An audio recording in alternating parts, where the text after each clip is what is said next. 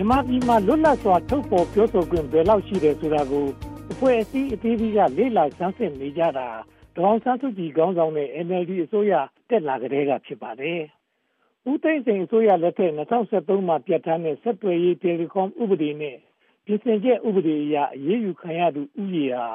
ဦးသိန်းစိန်ခေတ်ကတည်းပုံမများပြားနေပါတယ်။ဆက်သွယ်ရေးဥပဒေနဲ့အရေးယူမှုဟာဦးသိန်းစိန်လက်ထက်မှာ17မှု NLD လက်ထက်မှာ139 မှု ရှိတယ်လို့အတန်အဖွဲ့ရဲ့ အစိုးရတက်တန်းဝက် အစီရင်ခံစာမှာ ဖော်ပြပါတယ်။မနေ့ကဇန်နဝါရီလမှာတီထောင်တဲ့အတန်အဖွဲ့က လူငယ်တုနဲ့ ဘန်ကောက်အခြေစိုက်စီပါသတင်းအဖွဲ့တို့ ပူးတွဲရေးသားထားတဲ့ အစီရင်ခံစာ ဖြစ်ပါတယ်။ NLD အစိုးရတက်ခါစမှာ လွတ်လပ်စွာ ထုတ်ဖော်ပြောဆိုမှုကို ခွင့်ပြုခဲ့ပြီးမြဲနောက်ပိုင်းမှာ ဆက်သွယ်ရေးဥပဒေနဲ့ အရေးယူတာတွေ ရှိလာပါတယ်။ပြင်သစ်အခြေစိုက် Reporters Without Borders အဖွဲ့က နိုင်ငံ180မှာ သတင်းလွတ်လပ်မှုကို တိုင်းတာရမှာ မြန်မာကအဆင့်139မှာ ရှိပါတယ်။အင်ဒိုနီးရှားနဲ့ ဖိလစ်ပိုင်နိုင်ငံတွေက မြန်မာတဲ့တာပြီး ထိုင်း ကမ္ဘောဒီးယား မလေးရှား စင်ကာပူ လာအိုနဲ့ တရုတ်က မြန်မာတဲ့ဆိုးနေပါတယ်2013ဆက်သွယ်ရေးဥပဒေပုံမှန်66ဂါကြီးမှာကြဲကြဲပြန့်ပြန့် အဓိပ္ပာယ်ဖွင့်ဆိုထားတာကို အခွင့်ကောင်းယူပြီး အရေးယူနေကြတာ ဖြစ်တယ်လို့ အမေရိကန်အခြေစိုက် Freedom House အဖွဲ့က ဆိုပါတယ် ဆက်သွယ်ရေးကွန်ရက်တစ်ခုခုကို အသုံးပြုပြီး ပုဂ္ဂိုလ်တူကို ခြောက်လှန့်မှု အနိုင်အထက်ပြုမှု မတရား တားဆီးကန့်ကွက်မှုအတိအဖြတ်မှု နှောက်ယှက်မှု မလျော်ဩဇာသုံးမှု ဒါမှမဟုတ်ချင်းချောက်မှု စတာတွေကိုလုပ်ရင် ထောင်ဒဏ် ၃ နှစ်ဖြစ်စေ ဒဏ်ငွေဖြစ်စေ နှစ်ခုစလုံးဖြစ်စေ ချမှတ်နိုင်တယ်လို့ ဆိုပါတယ် ပြင်ဆင်ချက်မှာတော့ ထောင်ဒဏ်ကိုနှစ်နှစ်အထိ လျှော့ပေါ့လိုက်ပါတယ် တရားဥပဒေစိုးမိုးရေးဘက်မှာလည်း မြန်မာနိုင်ငံဟာ ညံပြင်းနေစေဖြစ်ပါတယ်တီးခြားလွတ်လပ်ပြီးတမာတမတ်ဖြစ်တဲ့ တရားစီရင်ရေးစနစ်ကိုရောက်ဖို့ အများကြီး လိုနေသေးတယ်လို့ ဆိုပါတယ်2018လွတ်လပ်မှုအညွှန်းမှာ လွတ်လပ်မှုရှိတဲ့နိုင်ငံ မရှိတဲ့နိုင်ငံနဲ့ အနည်းအကျဉ်းသာရှိတဲ့ နိုင်ငံဆိုပြီး နိုင်ငံပေါင်း195နိုင်ငံကို သုံးမျိုးသုံးစား ခွဲပြားထားပါတယ်။ဒီထဲမှာ လွတ်လပ်မှုရှိတဲ့နိုင်ငံက45ရာခိုင်နှုန်း မရှိတဲ့နိုင်ငံက25ရာခိုင်နှုန်းနဲ့လွတ်လပ်မှုအနည်းအကျဉ်းရှိတဲ့နိုင်ငံက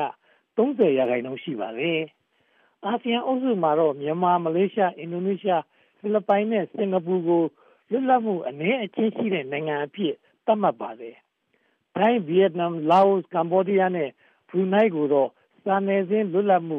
မရှိတဲ့နိုင်ငံအဖြစ်သတ်မှတ်ထားပါတယ်။သတင်းသမားကိုပြည်ထောင်စုဝန်ကြီးဌာနကစောင့်ကြည့်တာဟာ မြန်မာပြည်မှာလူရုပ်လုံးချင်လို့ဖြစ်နေပါပြီ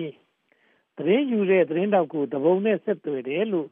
ဆွဆွဲပြီးအစိုးရကအမှုလုပ်တတ်ပါတယ်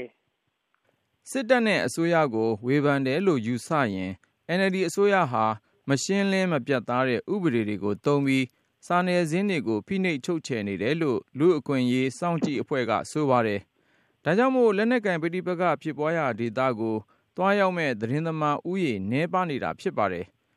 အမျိုးမျိုးချင်းချောက်ခံရတဲ့ သတင်းသမားဟာ ဓမ္မဒိဋ္ဌံကြကြမကြောက်မရွံ့ သတင်းရေးနိုင်ဖို့ ခက်ခဲတယ်လို့ စက်တင်ဘာလထုတ် ကုလသမဂ္ဂ အစီရင်ခံစာမှာ ဖော်ပြပါတယ်။အစိုးရအာဏာပိုင်တွေကဆွဲချက်တင်တဲ့အမှုမှာ လွတ်ဖို့အလားအလာ အလွန်နည်းပါတယ်။ NLD အစိုးရခေတ်မှာလည်း ယုံကြည်ချက်ကြောင့် ထောင်ကျနေသူတွေ ရှိနေပါတယ်။နိုင်ငံရေးအကျဉ်းသား40နဲ့ အမှုစစ်ခံနေရသူ300နီးပါး ရှိနေတယ်လို့ လူအခွင့်ရေး စောင့်ကြည့်အဖွဲ့က ဆိုပါတယ်။ ထောင်ဒဏ်ကြခံနေရတဲ့ Reuters သတင်းတောက်2ဦးရဲ့ အယူခံကို တရားရုံးက ပယ်ချလိုက်တာကိုကြည့်ရင် မြန်မာတွေ အာဏာရှင်စနစ်အောက် ပြန်ရောက်နေတာ သိတာကြောင့်မကြာမီက မြန်မာပြည်က ပြန်လာတဲ့ ကုလသမဂ္ဂဝန်ထမ်းဟောင်း Charles Petrie က ဇန်နဝါရီလ17ရက်နေ့ထုတ် Washington Post သတင်းစာမှာ ရေးထားပါတယ်။ဒီပုဂ္ဂိုလ်က2003က2009အထိ မြန်မာပြည်မှာ9နှစ် တာဝန်ထမ်းဆောင်ခဲ့သူ ဖြစ်ပါတယ်။ တိုင်းပြည်အနာဂတ်နဲ့ ပတ်သက်လာရင် စစ်တပ်နဲ့ ဒေါအောင်ဆန်းစုကြည်ဟာ အမြင်ချင်းတူတယ်လို့ Charles Petrie က ဆိုပါတယ်။ဗိုလ်ချုပ်မှုကြီးမင်းအောင်လှိုင်နဲ့ ဒေါအောင်ဆန်းစုကြည်တို့ရဲ့ အတွေးခေါ်ဟာ ကွဲပြားခြားနားလာတာ မဟုတ်ဘူးလို့ ဆိုပါတယ်။ဒါကြောင့်မို့ တိုင်းနာလက်နက်ကိုင်အဖွဲ့တွေနဲ့ ဆွေးနွေးတာလဲထိရောက်မှာ မဟုတ်ဘူးလို့ Charles Petrie က မြင်ပါတယ်။ဒေါ်ဆန်းစုကြည်ဟာ ပါလီမန်လွှတ်တော်စနစ်ကို ယုံကြည်ပုံရပေမဲ့ရုပ်ပုံကင်ပုံကတော့ အာဏာရှင်ဆန်တယ်လို့ဆိုပါတယ်။ NLD လွှတ်တော်အမတ်တွေကို တင်းကျပ်စွာ ချုပ်ကင်ထားပြီး ကိုလိုနီအစိုးရနဲ့ စစ်အစိုးရ သုံးခဲ့တဲ့ ဖိနှိပ်ရေးရန်ရာတွေကို ဆက်သုံးနေတော့မယ်လို့ Charles Petrie က သုံးသပ်ထားပါတယ်ခင်ဗျာ။